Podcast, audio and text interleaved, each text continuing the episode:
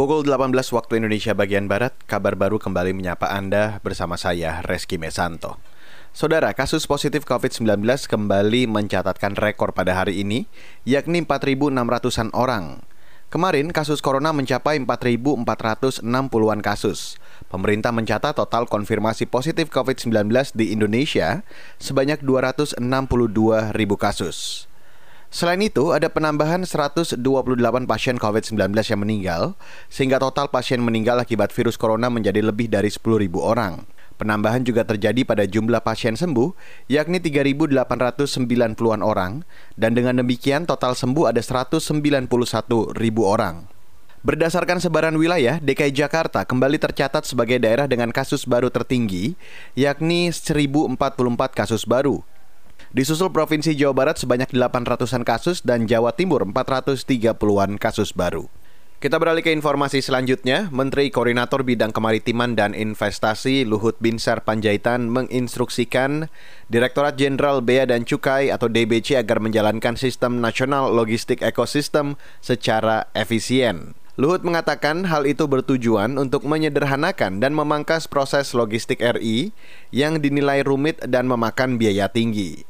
Kata dia, sistem baru ini diharapkan bisa menciptakan efisiensi yang besar. Sekarang kedua ada langkah yang penting, eksekusinya. Karena eksekusi ini menurut saya penting, dan saya minta Mas Heru dan semua teman-teman pelindo semua harus duduk baik-baik, karena ini sudah pernah ketemu, dan Marskal Marstio saya kira sangat aktif membanding. Besok saya juga mau ke Batam dan mau lihat demonya mengenai dari 17 layanan menjadi satu. Bagaimana? Luhut mengatakan akan langsung meninjau penerapan perdana NLI tersebut ke kota Batam. Menurutnya, biaya logistik yang mahal disebabkan kerumitan proses dari hulu hingga hilir. Sementara itu, Menteri Keuangan Sri Mulyani Indrawati mengatakan saat ini biaya logistik Indonesia mencapai 23,5 persen dari produk domestik bruto atau PDB.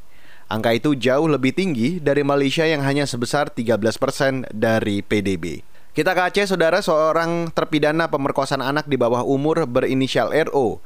Hari ini dihukum cambuk 169 kali di Banda Aceh. Terpidana terbukti bersalah berdasarkan vonis majelis hakim Mahkamah Syariah melanggar kanun Aceh tentang hukum jinayat. Awalnya terpidana dijatuhi hukuman 175 kali cambuk, namun karena sudah menjalani penahanan 6 bulan, maka hukuman cambuk dikurangi 6 kali. Tadi pada pemeriksaan awal si terpidananya baik-baik saja, cuman mungkin agak sedikit ketakutan maka beberapa kali kan tadi terpidana tangan kan untuk berhenti karena masih masih agak terguncang mungkin karena satu sekali untuk itu. Tapi setelah diperiksa yang untuk yang terakhir kali itu memang karena lukanya memang agak agak lumayan berat. Sebaiknya ditunda dulu sampai uh, penyembuhan yang baik sehingga pasien bisa eh, sehingga tadi itu yang uh, terpidana bisa dicambuk lagi. Prosesi hukuman terhadap RO terhenti usai Algojo mendaratkan rotan ke punggungnya di hitungan ke-52 kali. Tim petugas medis merekomendasikan pencambukan dihentikan.